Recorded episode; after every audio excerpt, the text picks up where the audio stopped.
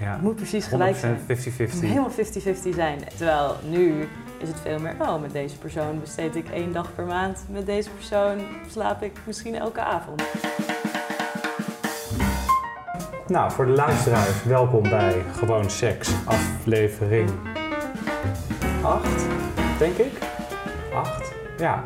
Gewoon Seks is mijn podcast waarin ik praat met mensen over seks, seksualiteit, liefde, alles wat daar een beetje omheen zit.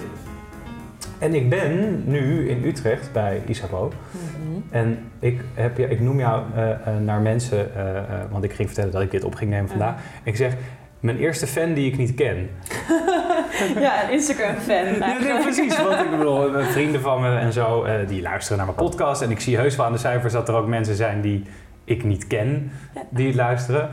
Maar jij hebt contact met mij gezocht. Ja, via Instagram. Uit jezelf. Ja, Ja, dat- is natuurlijk waar iedereen, iedereen die iets gaat maken, die hoopt daar natuurlijk ontzettend op. Oh, de desperate fans.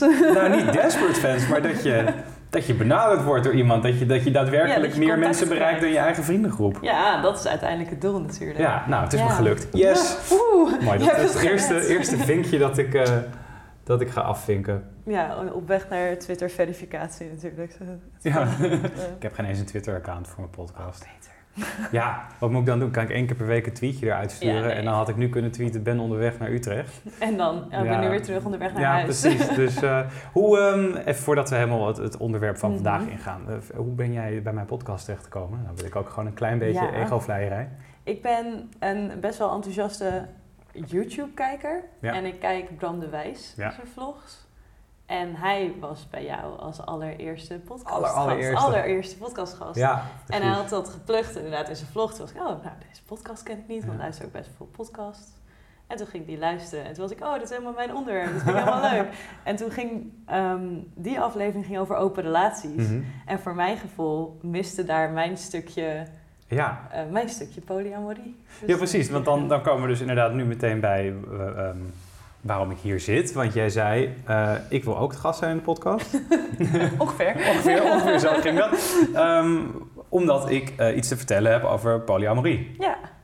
Ja, voor mij is... eh, nee, ik ben polyamorist, nu vier jaar. Ja? Ja. Wat even, eh, polyamorie. Eh, ik weet wat het is. Misschien Mhm. weten niet alle luisteraars wat het Nee. is. Ik denk dat heel veel luisteraars het misschien wel eens een keertje hebben gehoord of zo. En eh, ze hebben zeker ooit wel gehoord van de term polygamie. Ja.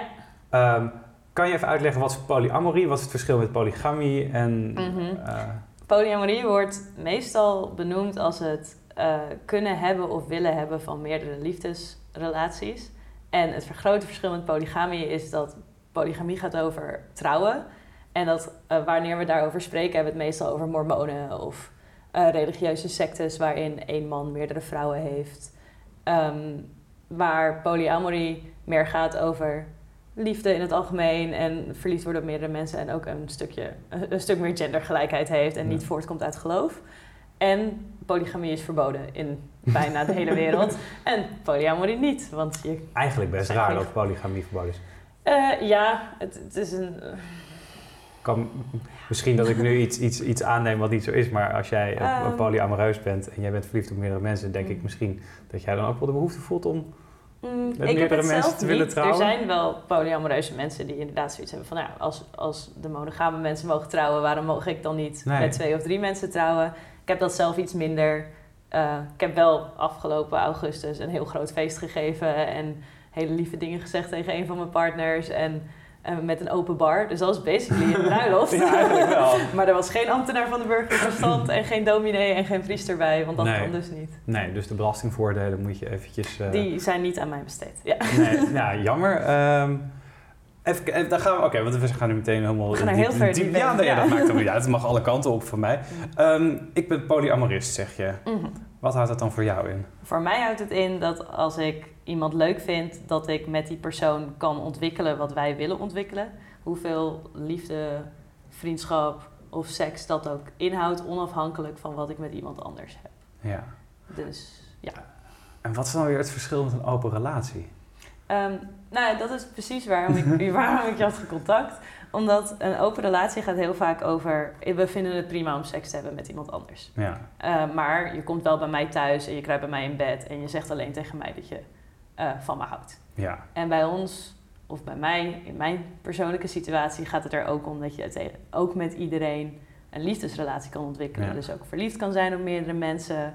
en meerdere mensen hun hand vast kan houden als je naar de film gaat... Ja. Um, dus het is het hele plaatje. Kan dus waar bij open relaties mensen. inderdaad gaat om, om, om, het, om de vleeselijke lusten, om het even zo makkelijk te ja. noemen, gaat het bij, de, bij polyamorie ook om de intellectuele de band en de gevoelensband ja. en de emotionele. Ja, en het delen inderdaad van je leven of wa wat je met die persoon wil delen. Ja, dat uh, lijkt me niet makkelijk om uit de kast te komen. Even, hoe, hoe, is dit, oh. hoe, is dit allemaal, hoe is dit allemaal? Back in the day. hoe is dit gekomen? Um, ik was vijf jaar geleden met mijn ex. En toen, en dat ging allemaal prima en we woonden samen. En toen ontmoette ik Felix, waar ik nu mee ben. En daar werd ik bijna meteen heel erg verliefd op, want dat klikte heel erg, vooral intellectueel heel erg. En ik ben best wel een eerlijk persoon, dus ik kwam daar met mee thuis en ik was dat, ja, ik heb nu iemand ontmoet en ik voel hier heel veel bij. En blinde paniek, want ik was altijd aangeleerd dat dat niet oké okay is. Was je, ging je er toe vanuit dat je naar huis zou gaan en dat je zou zeggen, nou dan, dan, dan gaan het we het nu uitmaken? Ja, ja, ja, ja, want dat is hoe dat hoort Maar dan was je ook toe bereid om dat te doen? Jij was bereid om je ik- relatie op te offeren? Nou, ik, was, ik, ik kan heel slecht liegen. Dus het had sowieso het had nooit op dat punt gekomen waar ik die keuze niet had kunnen maken. Maar toen zei mijn ex, oké, maar voel je dan nog hetzelfde voor mij? En ik dacht, ja? dat was een escape die je niet had verwacht. wel. Ja, dat was een zo'n side, side route. Ik dacht, oh, is dat een optie? Ja. En toen nam ik die optie en toen zei hij, oké, dat vind ik eigenlijk heel moeilijk. Maar we kunnen wel kijken hoe dit werkt, want er is helemaal niks mis met ons op dit moment. Ja. Jij vindt gewoon Felix heel lief. Mhm. En toen hebben we dat heel langzaam, stapje bij beetje, heel veel praten, heel veel, heel veel discussie ook. Het was echt niet allemaal, oh ja, nee, prima, ga maar met deze andere persoon ook een relatie opbouwen. En zat er vanuit jou een, een, een- moest jij hem overtuigen of ehm, was jij juist heel erg afwachtend om te kijken wat hij zou vinden? Ik was heel dankbaar, want ik, had, ik had, was er helemaal van uitgegaan, oké, dit is het einde. Ja. Nu, nu is hij boos en Ja. nu moet ik weg. En dat was helemaal niet zo. Dus ik was in alles wat ik, elk stapje wat ik kreeg, was ik echt, oh dankjewel, ik mag een keer met Felix naar de film. Ja. Ik mag één keer blijven slapen. Dus alles wat ik mocht, voelde als mogen ja. destijds. En elke keer dat je iets nieuws mocht, Mhm. veranderde je gevoel voor je ex niet? Nee, totaal niet. Juist omdat hij mij dat gunde, had ik echt zoiets, oh, jij gunt mij dit. Dus jij snapt heel erg dat dit niks met Mhm. jou te maken heeft. En dat liet mij alleen maar meer om hem geven. Wist jij toen al iets van polyamorie? Ik had Wat geen is? idee. Ik dacht dat ik het wiel had uitgevonden. ik dacht, look at me, doing this thing. Eh, dus ik dacht dat ik heel hip, hip was en dat niemand anders dat deed totdat ik het ging, eh, ging googlen. Ja, Ja. want oké, dus hoe ben je dat gaan googlen dan? Verliefd op twee mensen. Wat nu? en dan vind je heel weinig. Tenminste, Ja. toen vond je heel weinig. Nu is het eh, een stuk meer out there en in heel veel media besproken. Maar toen was er bijna niks over te vinden. Nee. Waarom is het uiteindelijk toch uitgegaan met je ex? Eh, omdat hij op een gegeven moment wel zei... ehm, ja, maar als wij gaan trouwen, dan stop je wel met dit polygedoe, toch? En toen was ik... Oh nee, ik dacht dat ik de perfecte versie had gevonden. Maar Ja. dat, eh, dat werkte dus niet. En we begonnen ook wel gewoon normale mensen struggles te krijgen... Ja. die helemaal niks met polyamorie te maken hadden. Nee. En toen hielp het natuurlijk wel dat je iemand anders had waar je die struggles misschien niet mee had. Mm, nee, want ik vergeleek het niet. Het- Ik woog zeg maar, die relatie op zich heel erg af. Ik was gewoon, oké, is dit ben ik hier nog steeds gelukkig mee Ja. of niet? En dat kantelde op een gegeven moment naar... Nee, we hebben het niet meer echt superleuk samen. We zijn niet meer helemaal gek op elkaar. Ja. Wat natuurlijk in elke relatie kan gebeuren. En toen ging het dus uit met je ex. Mhm. En toen had je opeens weer één relatie. Ja, toen was ik opeens alleen maar met Felix. Voor het eerst. Wat ook heel raar is. Als je eerst... Want hij was altijd gewend dat ja, hij... dat er nog iemand... Want dit is een, dat is een term die ik ken eh, eh, van uit de, het, het, het polyamorie termenboek.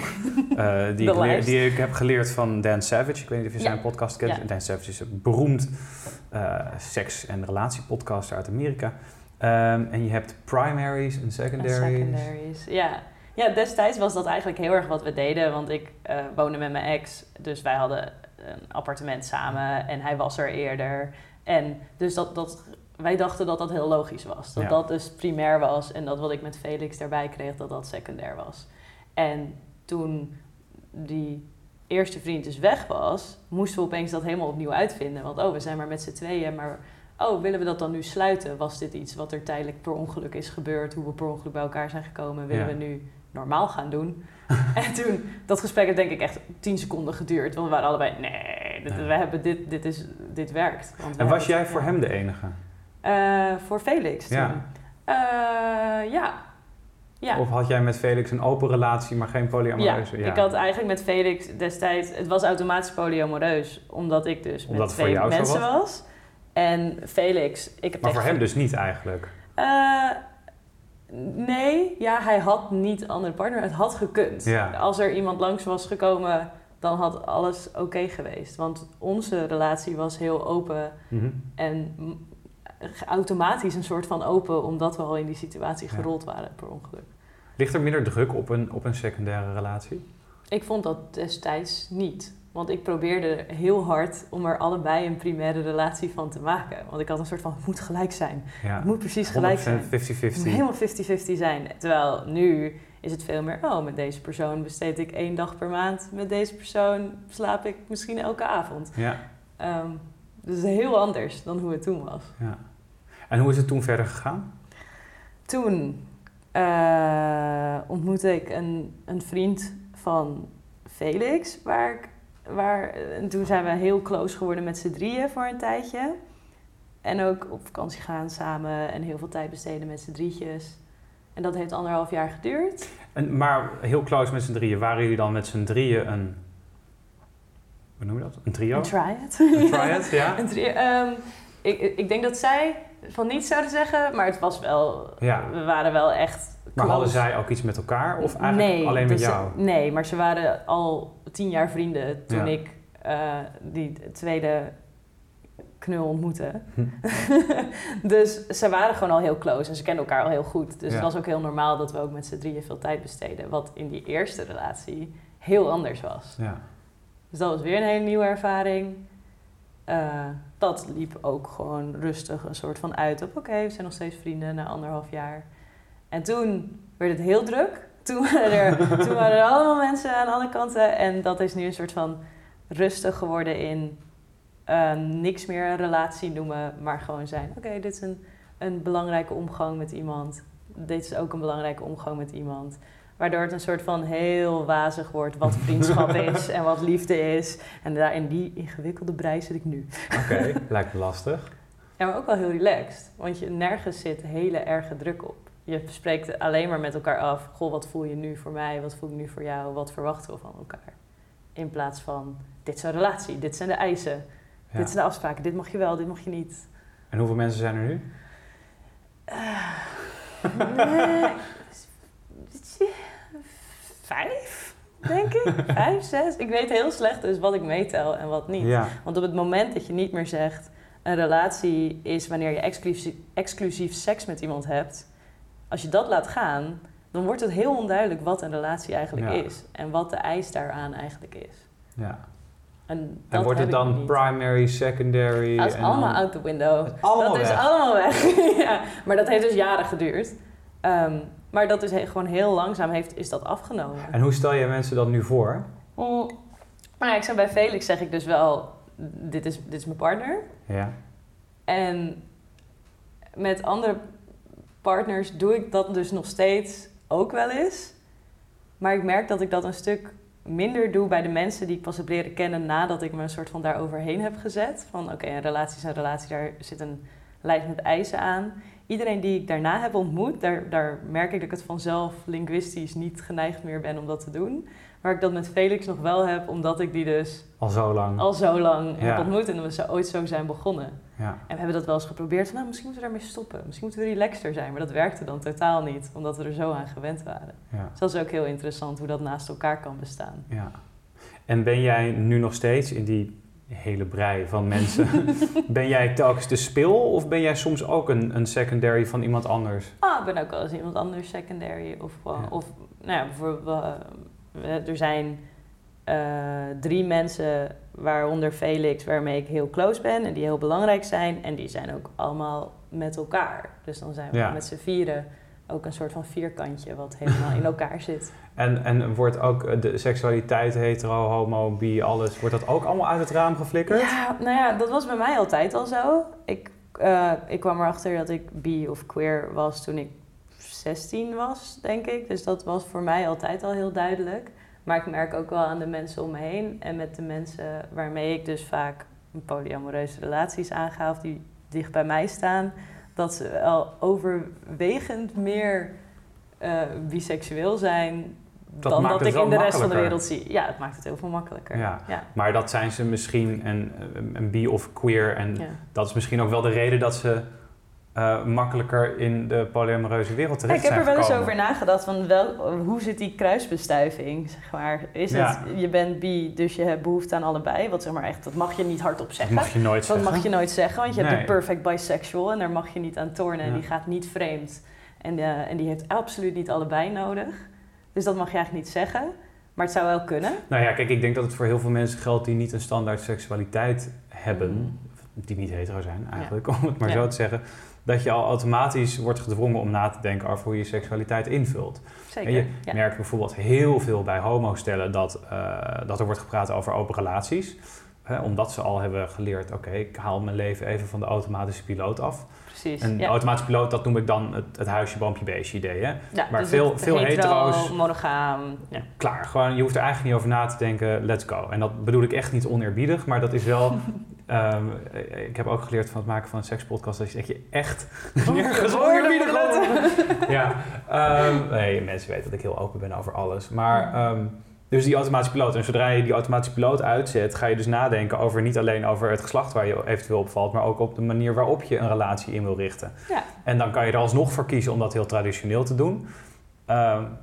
Of, en dat is dus misschien waarom, waar- waarom ik het vraag, omdat je toch al bezig bent met er na, over na te denken, dat je ook al die andere dingen gaat verkennen. Dus het hebben van een open relatie. Of misschien inderdaad dat het je overkomt dat je verliefd wordt op twee personen en denkt, nee, dat zou dan ook kunnen. Ja. Waarbij misschien iemand die nog in een soort van traditioneel eh, rollenpatroon en relatiepatroon zit, denkt, oeh, dat kan niet.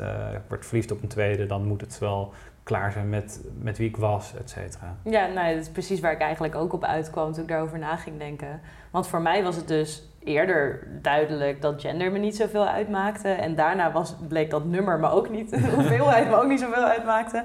Maar ik zie inderdaad bij, nou ja, bij Felix, die ik dan nu, Felix is gewoon een heel goed voorbeeld hierin, die ik dan eh, richting de vijf jaar ken, dat inderdaad toen wij elkaar ontmoetten, was, eh, identificeerde die zich heel sterk als hetero en monogaam en normaal eigenlijk. Want dat is dan best wel normatief. En zeg maar, hoe langer we polyamoreus waren, hoe langer we open waren en hoe breder dat werd, hoe meer alle andere dingen ook een optie werden. Dus dan ga je Ja. inderdaad ook nadenken van, oh, oh, misschien val ik ook op mannen. Oh, misschien maakt het überhaupt het hele idee van gender me niet uit. En dat, dat bouwt zich steeds meer uit. Ja. Je gaat steeds meer dingen overwegen en meer dingen afvragen als je niet meer mainstream normatief in je seks en je Ja. liefdesleven staat. En hoe kom je andere polyamoreuze mensen tegen dan?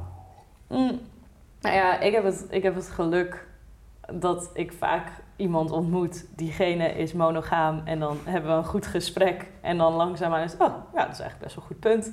Dus ik heb gewoon heel, makkelijk. heel erg geluk gehad dat ik altijd mensen ontmoet aan wie ik het blijkbaar fatsoenlijk kan uitleggen. Waardoor eh, dit een optie wordt. Er zijn ook vaak vrienden die ik al langer ken, die al zo goed mijn manier van leven kennen dat ze als er dan iets gebeurt tussen ons wel al weten waar ze instappen. Want begeef jij je in, eh, in, eh, in kringen waarin dit sowieso meer wordt Naar besproken? mijn idee dus niet, maar ik merk dus langzaamaan dat zeg maar, de monogame vrienden eh, vaak open worden Ja. over tijd. Wat heel intrigerend is, dat opeens iedereen om je heen open relaties En zijn dat ook mensen die je al kent sinds je tien bent? Of? Nou ja, ook wel mensen echt van de middelbare school. Of mensen die, of inderdaad middelbare school, vrienden van mijn partners, die al lange tijd vrienden zijn. En dan opeens, nou ja, ik had er nooit over nagedacht voor jullie, maar het is eigenlijk, nu denk ik er wel over na. Ja.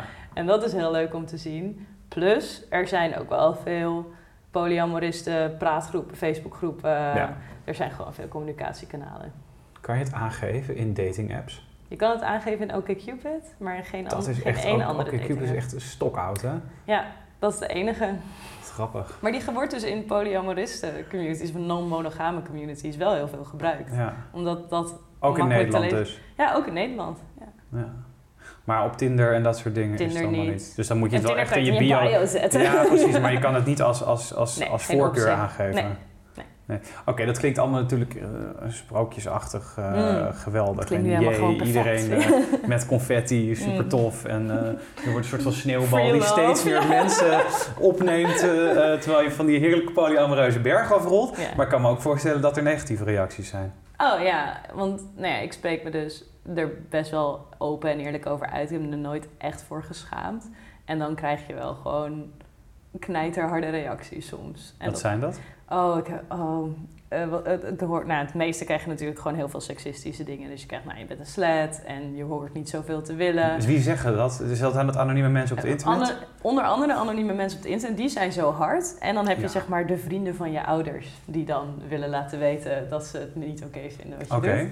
En nou ja, ik heb ook wel een paar. Maar hoe, hoe, hoe doen die dat dan?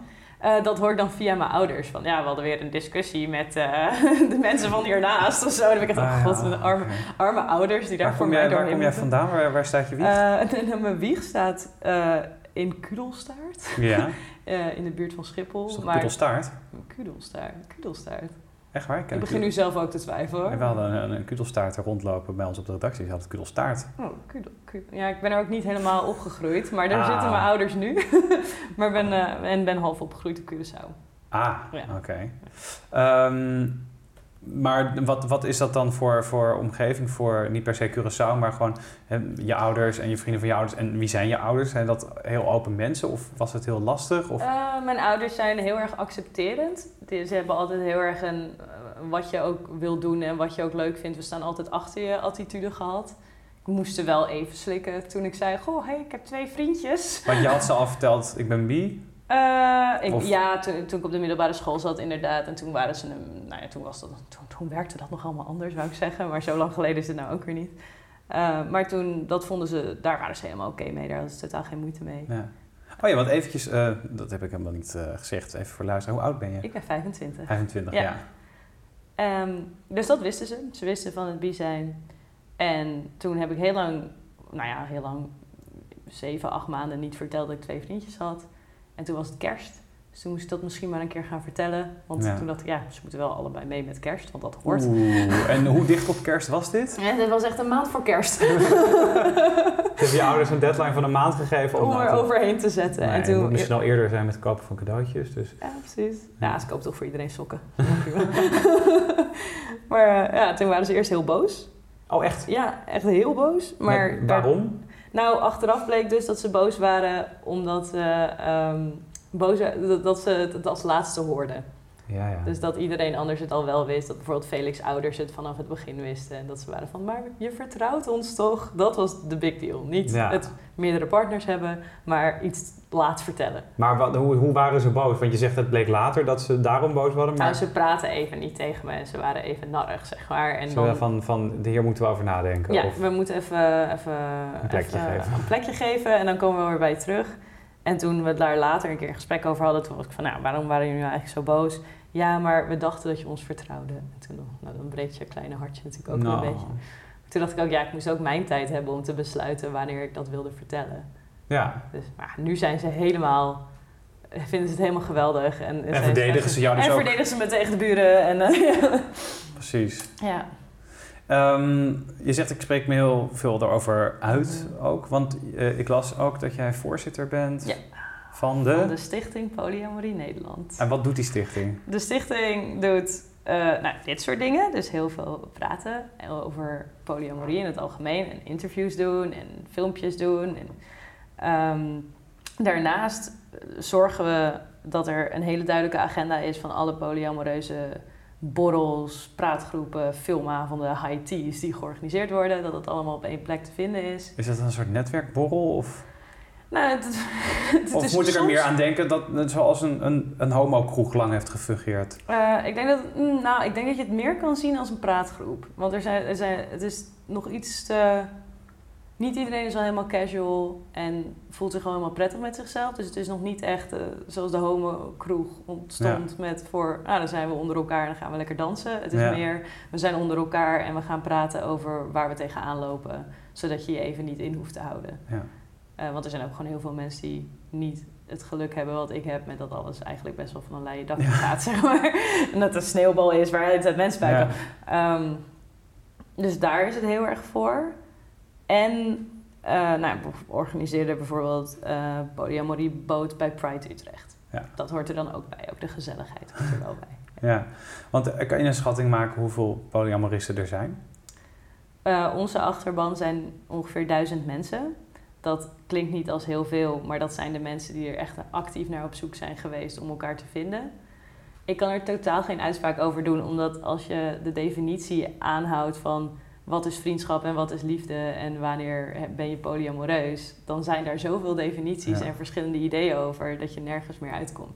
Nee, want je, je komt er zelf ook niet meer uit. Nee, ik kom, er zelf, ik kom er zelf niet meer uit. En ik denk dat er zullen polyamoristen zijn die zeggen... nou, je bent pas polyamorist als je echt twee, minstens twee vaste relaties hebt. Of je bent pas polyamorist als je met één van die relaties samenwoont... en daarnaast nog een relatie hebt. En er zijn mensen die veel meer naar die vrije liefdekant hangen. Ja. En zijn, ja, maar alles... Oude alles hippies uit de jaren zeventig ook? Die of- horen er ook bij. die zijn er Ja. ook nog bij. Er zijn, ja, de, de leeftijdscategorieën zijn heel breed. Dat is wel heel leuk. Ja, Het is echt... eh, dat, ja. ja. dat wilde ik inderdaad vragen. Want wat, wat is de gemiddelde leeftijd van jullie achterban? Nou, alles dus. Ja, nou ja, ik had, een, ik had een vriendinnetje van 18 de afgelopen tijd. En ik ken mensen van 70 Ja. die, die zichzelf polyamoreus noemen. Dat is heel leuk. En hebben, zijn die, daar, zijn die oudere mensen zijn die al heel lang open daarover? Of durven die het dan nu ook pas? Want bestaat de stichting al lang of heb jij die opgezet? Eh, de stichting bestaat nu 10 jaar, denk ik. ja. Is voor mij opgezet. En eh, ik heb toen op een gegeven moment gezegd... oh ik wil wel helpen als jullie een keer hulp nodig hebben. En toen was nou, we willen er eigenlijk vanaf. en toen was het mijn stichting. Oh, oh, echt waar? Ja. Je bent, ben je nu in, de, in je eentje de nee, stichting? ik heb toen mensen erbij gezocht die ik dacht dat ze ook wel iets er, eh, dat wilden doorontwikkelen. En dat is nu mijn bestuur. Wat grappig. Waarom wilden die mensen ervan af dan? Die gingen weer heel wat anders doen. Wat gingen ze doen? Een vegan supermarkt opzetten in Groningen. Past wel Moet erg. ook gebeuren. Past wel erg. Past. Een beetje ja, in het in het straatje. stereotype. Maar ehm, ja. zijn er ook mensen die eh polyamoreus zijn en daarna weer, er weer afstappen? Oh, zeker. Ja, mensen die het gewoon echt... Die zeggen dan, ah, ik vond echt te veel gedoe. En ik denk dat dat heel erg vasthangt aan dat er zit, vooral aan het begin, maar eigenlijk all the time, heel erg de eis aan dat je communiceert. Over alles wat je voelt en alles wat je ervaart. En ik denk wel dat dat makkelijker wordt over tijd, maar dat kan heel zwaar zijn. Ook als je dat niet gewend bent of nog nooit met een partner hebt gedaan, is dat gewoon even wennen. Ja. Om te moeten zeggen, nou, ik merk dat ik deze persoon leuk vind of seksueel aantrekkelijk. Hoe, hoe, hoe maak je het uit met iemand in een polyamoreuze sneeuwbal? In mijn polio, ja, niet echt. ja, nee, maar het verwatert een beetje net als dat vriendschap soms verwatert. En dan Ja. kan je dat uitspreken. Je kan met elkaar gaan zitten en je zegt, nou, ik merk dat het wat minder wordt. Of ik merk dat we nu op een andere manier met elkaar omgaan dan twee jaar geleden.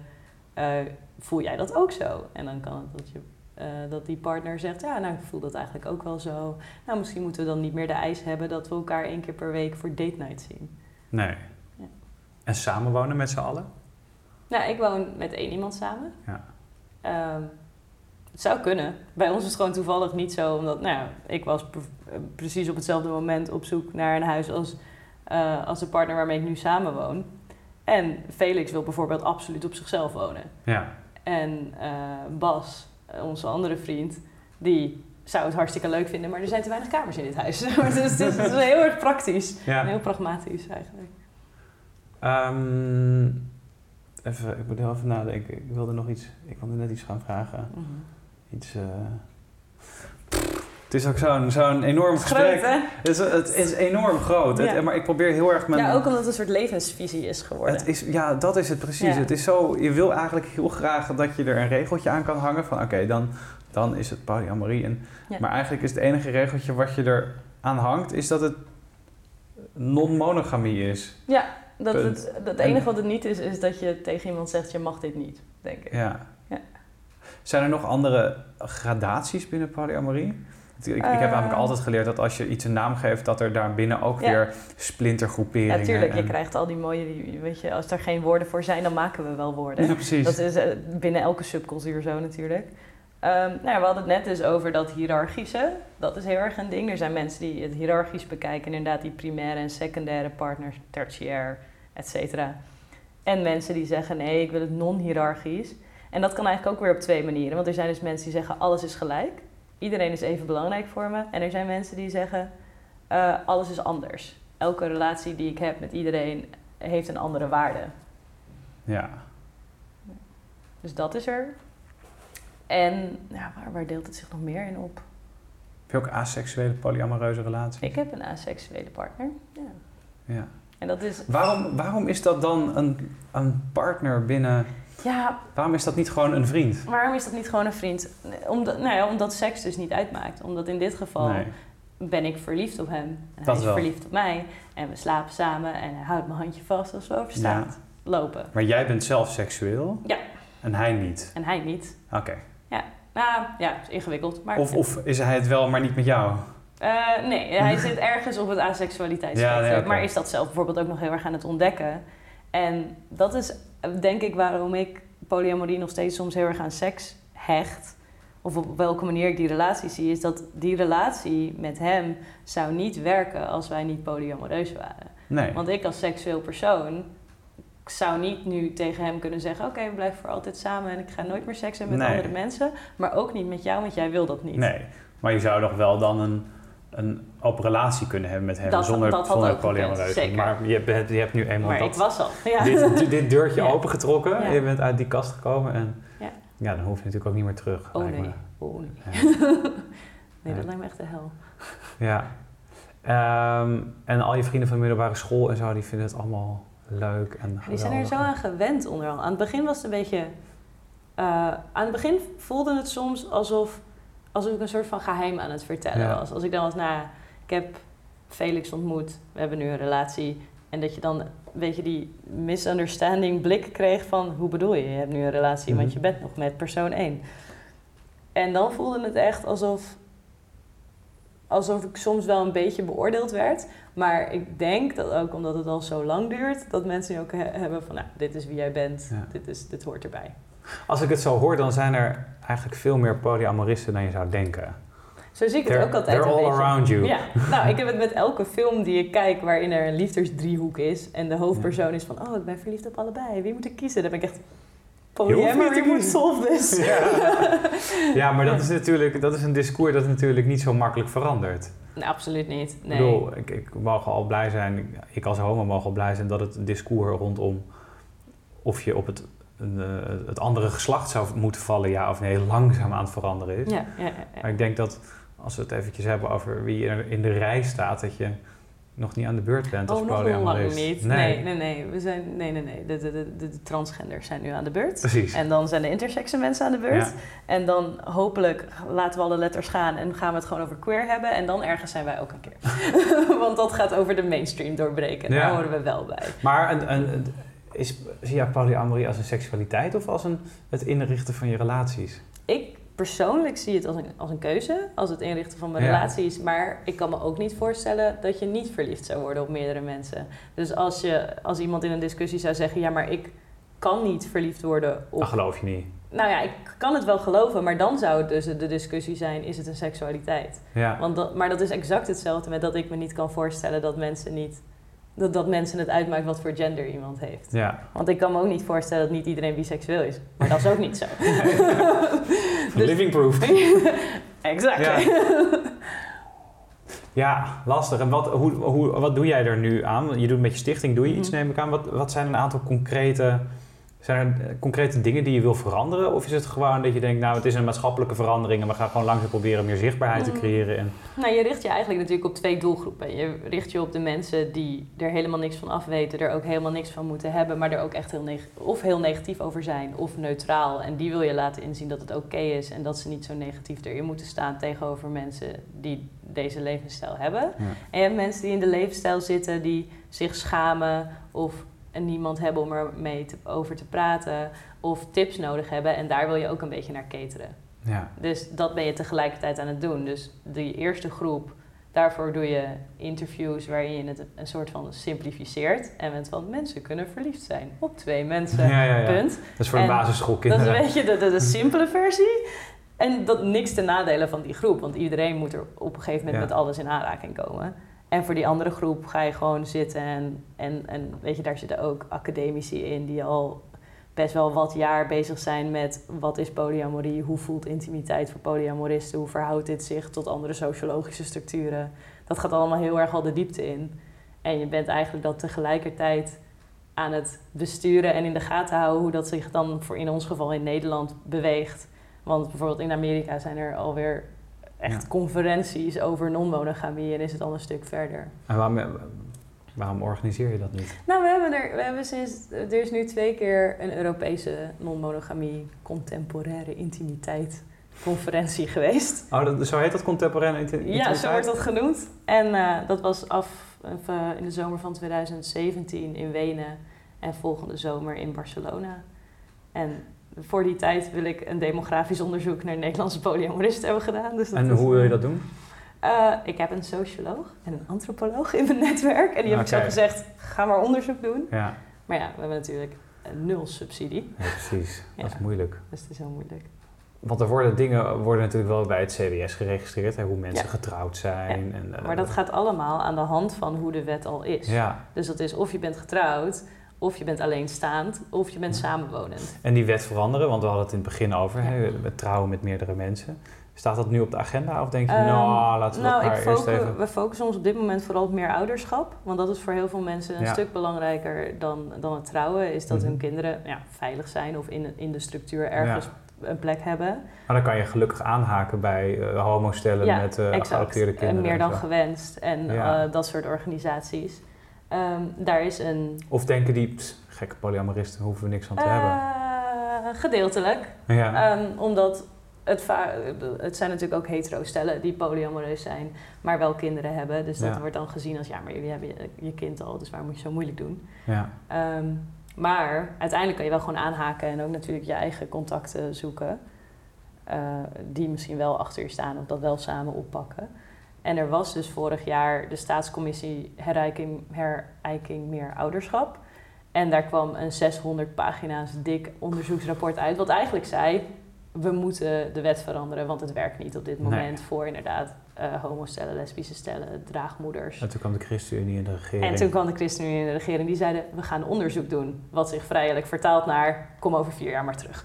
Terwijl het onderzoek net was geweest. Terwijl het onderzoek net was gedaan. Oh ja, tuurlijk. Ja, dus dat zit een beetje En de VVD heeft zich daar vrolijk naar geschikt uiteraard. natuurlijk. Want, Who cares? ja, en niemand heeft het door. Nee, behalve ook dat. de groep zelf. Ja, Ja. en dus het eh, een meer ouderschap en het, het niet mogen trouwen. Zijn dat de enige twee eh, punten waar je wettelijk in wordt gediscrimineerd eigenlijk? Eh, nee. Nee. Het is moeilijk om een hypotheek af te sluiten met meer dan twee mensen. Dat is eigenlijk onmogelijk. Hoe doen mensen dat dan die een, eh, samen een bedrijf... Ja. Ja. hebben ze een bedrijf. Ja, dan moet je een bedrijf of een stichting opzetten waarmee Ja. je een huis koopt. Wat natuurlijk eigenlijk gewoon een loophole is die niet Ja, nodig heb je zou een soort woongroep. Ja, of je zet inderdaad, ja, maar voor, om een woongroep op te zetten moet je een jaar een stichting hebben. Ja. Terwijl als jij met z'n drieën wil gaan samenwonen, waarom moet je dan een jaar gaan zitten wachten tot je stichting een jaar bestaat? Dat hoef je ook niet als je Maar met zou de stichting, wonen. eh, stichting Polyamorie Nederland dan niet... Heel veel huizen kunnen komen. Ja. dat zou wel een goede actie zijn. Ja, Moet je over nadenken. een- je, moet- je moet jezelf om, omzetten in een woningbouwvereniging. Dat is best een goede optie. en in ieder geval een goede optie voor een PR-stunt. Ja, zeker. Ja, dat is het. denk ik. Ja. Dat is een- ehm, ja, en het huurrecht is ook niet echt een feestje. Want dat eh, is anders in elke gemeente. Dus je mag bijvoorbeeld in Utrecht mag je geen woning delen met drie mensen.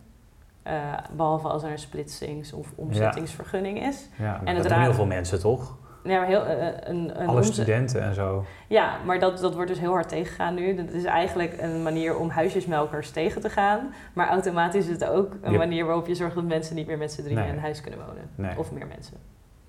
Wat raar. Ja, en dan voor huis. Tenzij je dus een familieband hebt en dat lukt dus niet omdat je niet kan trouwen met z'n drieën. Ja, dan, dan zeg maar, Ja. ook als je met z'n drieën zou wonen, zou je technisch gezien zeggen: ja, maar dit is ons inwonende kind. Dat kan dan weer wel. Dus je moet dan eigenlijk iemand adopteren. Basically, ja, maar dat soort dingen gebeuren dus ook. Dat gebeurt echt? Nou ja, dit soort dingen gebeuren. Ik heb ook bijvoorbeeld. eh, er zijn heel veel manieren om. Er zijn heel veel manieren om om de wet heen te gaan. Maar ik zeg toch niet dat het hoeft. En ik raad het niet aan. Maar ik heb bijvoorbeeld ook eh, eh, een vriendin of vrienden van ons die eh, getrouwd waren. Toen werd zij zwanger van haar andere vriend. En toen moest ze scheiden van haar man. Want anders was dat kind niet het kind van de man waarvan het daadwerkelijk was. En dan moet je gewoon scheiden voor de wet. Want kijk, voor ons maakt het uiteindelijk niet uit. Want Nee. op het moment dat je zo leeft, dan je geeft toch niet meer zoveel om wat wetten zeggen dat je zou moeten zijn. Nee. Die waarde gaat ervan af, maar het is wel heel nee, vreemd. maar als je inderdaad een kind krijgt, dan wil je die kind niet opzadelen met het feit dat hij een, ja, een positie heeft binnen Nederland die misschien niet helemaal Die eigenlijk niet handig bestaat. is. Ja, die Ja. niet bestaat. Eh, nee, precies. En, maar dan, zij was dus opeens, had ze na twee jaar of drie jaar getrouwd te zijn weer de andere achternaam terug. En allemaal dat Oh, soort ja. vreemde dingen. En ja, leg dat ook maar eens uit eh, aan de bank als je daar komt. Ja, Ja. hallo, wij zijn met z'n drieën of vier of vijf. Ja, en nou ja, en ja, nee, dat was mijn achternaam, maar dit is nu mijn andere achternaam. En nee, dat is dus niet de achternaam van mijn zoon. Ja. Ja.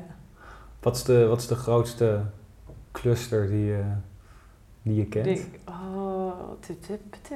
Nou ja, ik weet dus ook niet wat mijn eigen cluster is. Want ik zou zeggen, nou, wij zijn met z'n vieren. Maar ik heb ook nog mijn vriendinnetje.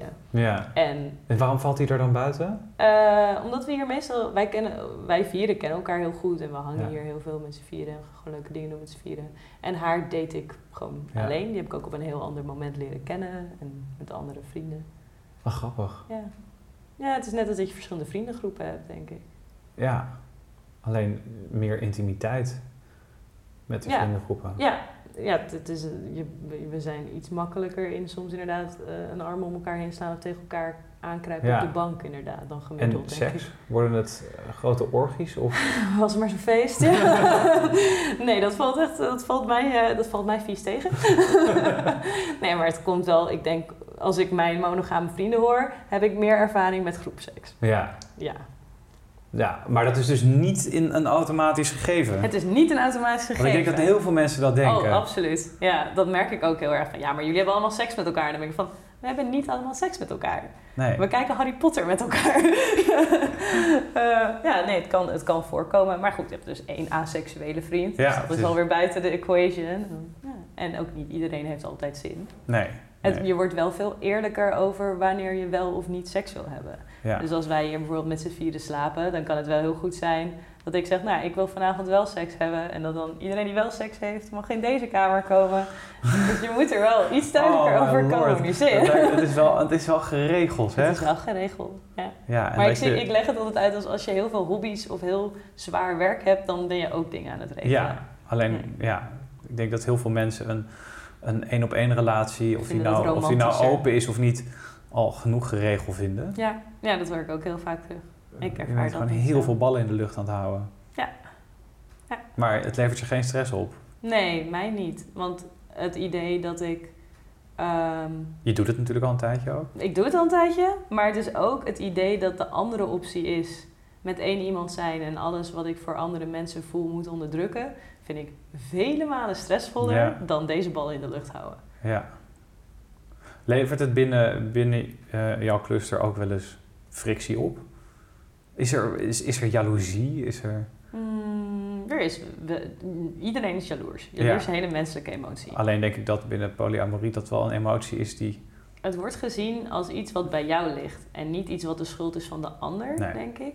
Waar ik, zeg maar, toen ik een monogame relatie had, was van, jij moet dit niet doen met andere mensen, want het geeft mij een naar gevoel. Ja, Zou ik nu veel meer zijn, waarom geeft mij dit een naar gevoel? ja, Deconstrueer dat gevoel. ja precies. En dan ga je veel meer op zoek naar, waar ben ik onzeker over dat ik jou dit niet gun? Ja. Want uiteindelijk is het einddoel is andere mensen hun liefde gunnen met wie ze die liefde willen delen. En je ook nog zelf wel een beetje comfortabel en relaxed en chill voelen. Ja. Want dat is ook belangrijk. Maar je draagt er veel meer zelf eh, verantwoordelijkheid voor, denk ik. Ja. Hebben jullie prominente vertegenwoordigers? Ik weet dat schrijver Arthur Japin volgens mij. En, die kwam eh, ook meteen in mijn hoofd op. Ja. inderdaad. Ja, die had inderdaad twee, twee partners. We hebben niet echt prominente vertegenwoordigers, wat ik me ook wel voor of die zijn er wel en ze komen er niet voor uit. Ja, dat denk ik. We- En ook, Weet jij van het bestaan en mag je het niet vertellen? nee, ik ken niemand die, die, eigen, waarvan die ik eigenlijk zou kunnen outen en daarmee een mediabreak zou kunnen krijgen. Dan gaat, dat, Dat- ja, dat- zo, dat het zo blijft mijn podcast een beetje doorkabbelen. Gewoon in de Ja, onderste met, regionen. Met, mij als desperate fan die alles luistert. Ik dacht, dit is mijn break, nu Ja. krijgen we Ja, het. dat is van, nou, Mark Nee. Rutte, die zit dus in de community. Dat had echt tof geweest. Mark Rutte, dat, dat- als die man überhaupt ooit een keer een partner Oh, nee, heeft, zal het me verbazen. En dat is ook oké. Ja. Ja. Hoe noem je dat? Niet eens aseksueel, maar Aromantisch. aromantisch. Ja. Oh ja, dat is Ja, natuurlijk dat is er ook nog. dat kan ook nog. Bestaat dat binnen de polyamorie gemeenschap? Mensen die aromantisch zijn? Hmm, Die alleen maar voor de seks langskomen? vast wel. Vraag maar alleen dan af. Zo groot. Het is zo groot. En het, Ja. en het is heel intersectioneel, want het Ja. komt op eh, al die andere punten weer bij elkaar. Eh, nou, dat zie je in ons spec ook. Weet je, je komt langs biseksualiteit, aseksualiteit. Ja. Het doet er allemaal toe. Ja. Eh, het is ook uiteindelijk, hè, je identiteit is altijd complex en En gelaagd. hoe, hoe hangt het samen met eventueel ook de, de, de kink scene en fetishfeesten en dat soort dingen waar mensen ook heel erg open zijn en Ja, ik met denk meerdere dat het, mensen? Ik denk dat het hetzelfde is als wat we net zeiden met biseksualiteit. Als je eenmaal over die grens heen gaat van iets mm, eh, niet, niet normatiefs doen, Ja. dan ga je veel sneller alle andere opties ook overwegen. Nu zeg ik niet dat dat bij iedereen zo is, want ik ken genoeg polyamoreuze mensen die zeggen...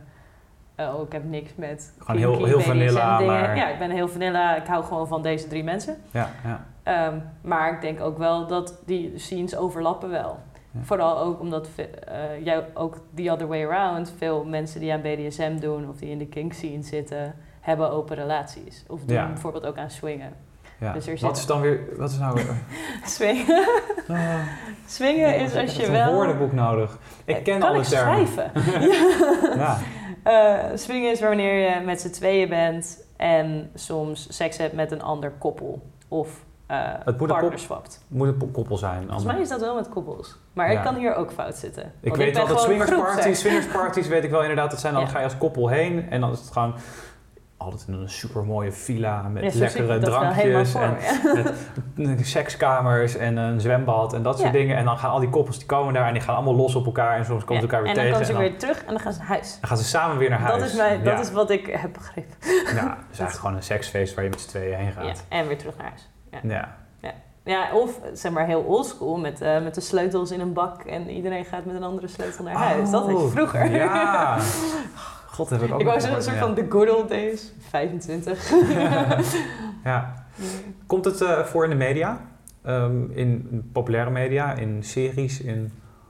ehm, Mm. zijn jullie echt, echt nog voel me extreem nooit echt gerepresenteerd als ik iets kijk. Ik denk dat het enige wat ik me afgelopen jaar in gerepresenteerd voelde was Sense8. Ja, Dat, dat was echt... Zo, en het is ook een beetje het droombeeld. Want zo met acht mensen connected zijn en elkaar helemaal begrijpen. Toen, wij, wij keken dat en waren echt... Dit is hoe het hoort te voelen. ja, dat was natuurlijk eigenlijk een, een- een Was voor enorm groot pleidooi voor polyamorie ja, inderdaad. voor, ja, en ook heel erg voor eigenlijk panseksualiteit en iedereen Ja. lief vinden. Ja. Want wat is nou panseksualiteit Oh dan ja? Eh, het idee van panseksualiteit is dat je valt op mensen en daar niet zoveel gender in ziet. Ik vind het altijd een beetje een feministisch doel, want uiteindelijk leven we in In een een- wereld waar nog heel veel gender Ja, op je gegooid wordt. Dus ik kan dat niet niet zien. nee. En ja, het is misschien iets meer dan biseksualiteit, maar Ja, het bij biseksualiteit heb je toch, sta je in principe ook open. ook open voor alle genders. Het is een beetje Ja, of, ouderwets om of, te of denken. misschien ben je als biseksueel sta je alleen open voor traditioneel mannen en vrouwen. Nou, ik denk dat dat dus een beetje een ouderwets beeld is onderhand. Ja. Ja.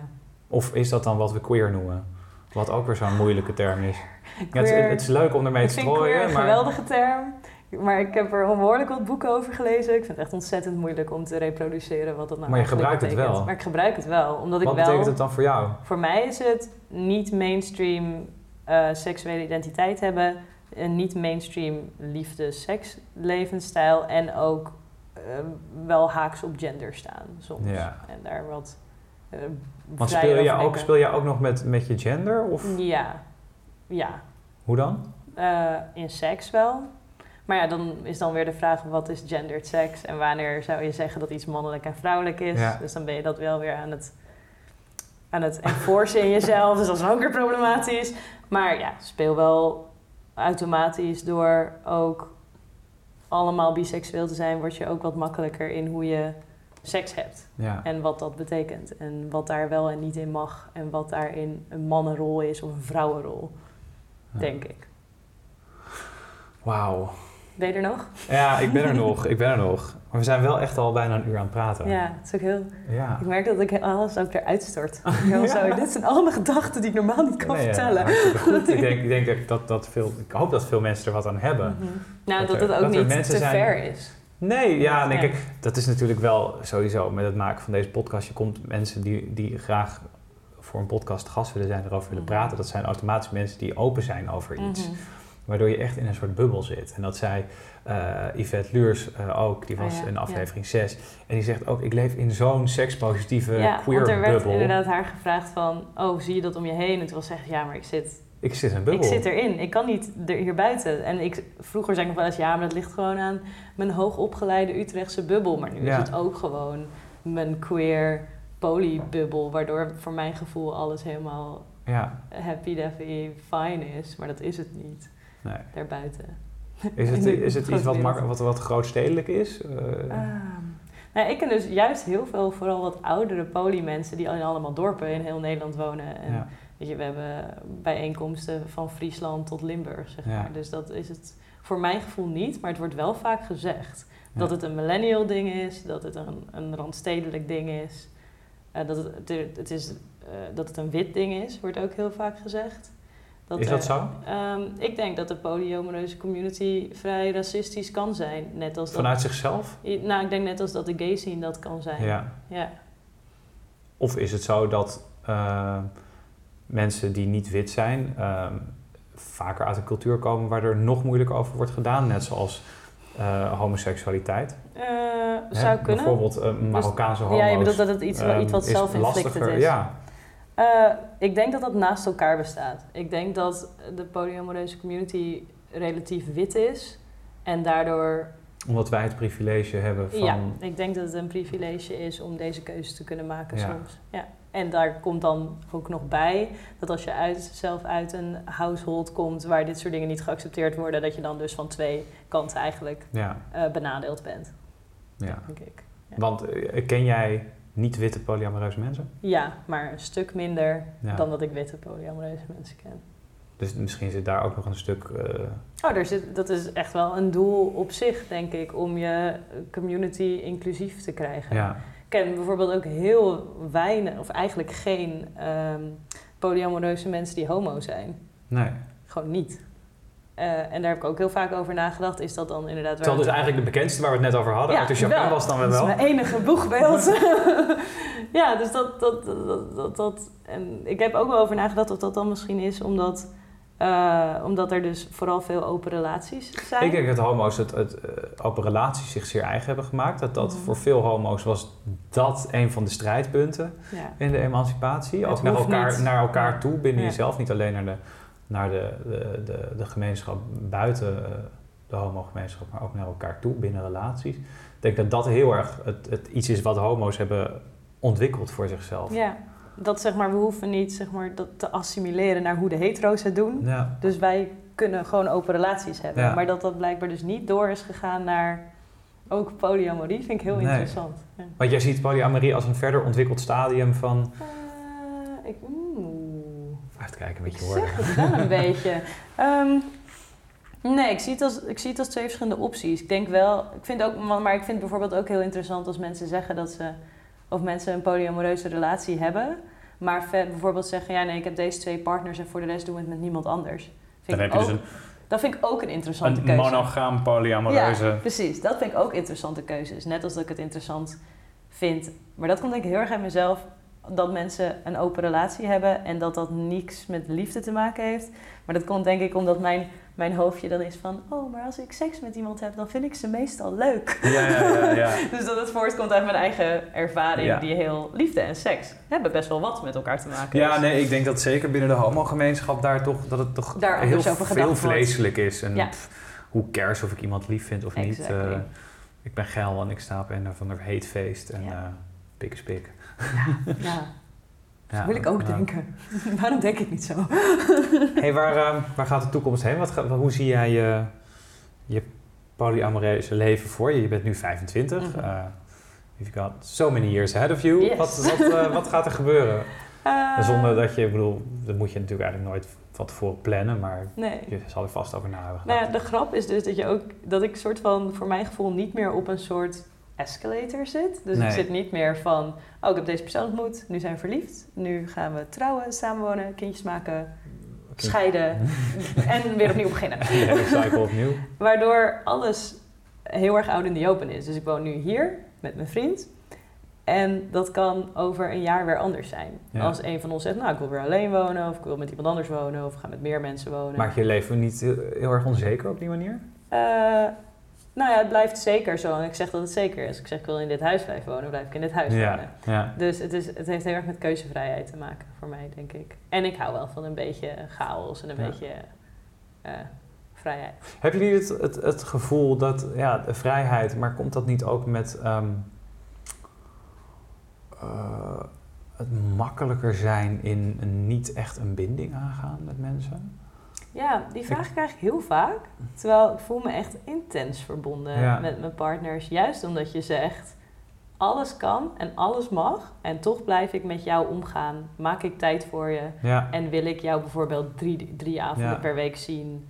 Nee, precies. Maar het is, Ja. ik, ik, denk, ik kan me voorstellen dat mensen dat denken. En ik, dat gaat ook nu door mijn hoofd. Daarom stel ik die vraag ook van... Ja, jemig, er zijn nog vier anderen. Ik heb, nou, weet je. Maar als je met één iemand samen bent, dan denk je... God, nou, we hebben echt met z'n twee een relatie. En het zit nu tegen. En eh, we gaan er heel hard aan werken. En et cetera. Terwijl, even, het is natuurlijk echt heel grof gezegd. Hoor. Dan Ja, denk je, nou, er zijn nog vier anderen. Pff, ik vind het een beetje irritant met deze. Weet je wat, ditch je die handel. Ja, ik denk dus juist dat je iets kritischer erop wordt. Omdat je dus Wie eigenlijk... je überhaupt toelaat. Wie je überhaupt toelaat. Want je tijd, wordt, je Ja. tijd is sowieso limited. Dus iedereen zou zo moeten denken. Maar Ja, Ehm, ik voel me juist verbonden doordat je zegt: eh, Ik heb een limited amount of time en ik besluit dit met jou te besteden. Ook al heb ik het ook leuk met andere mensen. Jou vind ik leuk om jou. En jij Ja. voegt iets toe als jezelf aan mijn leven. En, je voelt je, en ik voel me vaak juist een soort van... En dat komt ook door polyamorie, maar het is ook vaak wel een beetje een us against the world gevoel. Ook bijvoorbeeld als we met z'n vieren zijn. Omdat, je, omdat wij elkaar met z'n vieren heel goed begrijpen dat we van elkaar houden... en dat dat niks met elkaar, met de, de buitenwereld te maken heeft. Ja. Oké. Dus jouw toekomst is eh, Open, open. Ja. Net als je relaties. net als mijn relatie. Top, dankjewel. Eh voor, voor dit verhelderende gesprek. Oh, Eh, was het verhelderend? Voor mijn gevoel was het complexiserend. Ja, maar iets, iets, iets uitleggen hoe complex iets is, dat kan ook heel erg Ja. eh, verhelderend werken. Nou, ik merk dat ik voor nou, een paar interviews gedaan met, met vooral vrouwenbladen zijn dat dan. Ja. En dat ik het daarin heel erg simplificeer naar dit zijn mijn twee partners. Ja. Bla bla bla bla bla. En dat ik in dit soort gesprekken de mogelijkheid heb om het meer uit te bouwen, is een luxe. Ja. Die ik niet vaak heb. Ehm, waar kunnen mensen meer informatie vinden? Eh, polyamorie.nl ehm, is de, een hele lelijke website van mijn stichting. Eh, en daar staat ook het eh, e-mailadres op waar mensen naartoe Ja. kunnen mailen als ze bijvoorbeeld in de Facebookgroep willen. Want die is geheim en onzichtbaar. Want, Oh, echt? ja. Ja? En ik ben zelf op Instagram ook altijd wel bereid om mensen te woord te staan. Ja, en hoe ben je te vinden op Instagram? Ik heet Wouisa. W-A-U-W-I-S-A. Wauw, Isa. Ehm, en eh, worden er de komende tijd nog dingen georganiseerd, bijeenkomsten? Of... Oeh, ik ben echt totaal heel slecht op de hoogte als voorzitter. Maar het is niet zo dat, eh, dat toevallig binnenkort de jaarlijkse stichtingsbijeenkomst, borrel, groot feest... aankomende zaterdag, maar dan staat deze podcast denk ik. Ja, wel. Oh, nou, op 6 oktober in Rotterdam heb je, het heet Extended Love Café, geloof ik. Aha. Een beetje een kneuterige naam is. Maar daarbij komen alle organisaties die iets doen voor polyamorie of non-monogame relaties bij elkaar. En die gaan allemaal vertellen wat ze doen. En dan gaan we daarna met z'n allen eten en kletsen. Dus als je nu denkt, deze wereld is voor mij, is Ja. dat het moment om je Nog één keer, waar is dat? In Rotterdam. Ja. En het, ja, ik denk dat je het kan vinden als je googelt op Extended Love Café. Nou, voor, voor iedereen die door dit gesprek heeft gedacht... holy fuck, er gaat een wereld voor mij open. Uh, of die denkt, uh, nou nee, de wereld voor me open niet, maar wel een deur op een kier gezet die ik erg interessant vind. Ga naar Extended Love. Ja. En uh, kijk of, of dingen duidelijker worden voor en je. En kom even zeggen dat je van de podcast bent. Ja, precies. Ja, spread the word. Yeah. Oké, okay, dankjewel. Alsjeblieft. Goed nieuws! Gewoon Seks is eindelijk ook te vinden op Spotify. Dus als dat echt je favoriete app is om podcast mee te luisteren, hoef je nu nooit meer een aflevering van Gewoon Seks te missen. Ik heb mezelf de idiote taak gesteld om elke week iemand te spreken over seks. Tot nu toe lukt het aardig, maar ik ben altijd op zoek naar nieuwe verhalen. Dus heb jij ook iets te vertellen over seks? Bijvoorbeeld omdat je een kink hebt, seks voor jou een andere rol speelt dan voor de meeste mensen, het je werk is of je studie, of omdat je gewoon een bijzonder verhaal te vertellen hebt? Neem dan gewoon even contact met me op via gewoonsekspodcast.gmail.com en wie weet spreek ik jou wel in een volgende aflevering. De muziek van Gewoon Seks is zoals altijd van Ernst Glerum, die je kunt vinden op ernstglerum.nl. Luister je graag naar Gewoon Seks via iTunes of Apple Podcast? Laat dan vooral even een review achter, dat zou echt enorm helpen. Tot volgende week!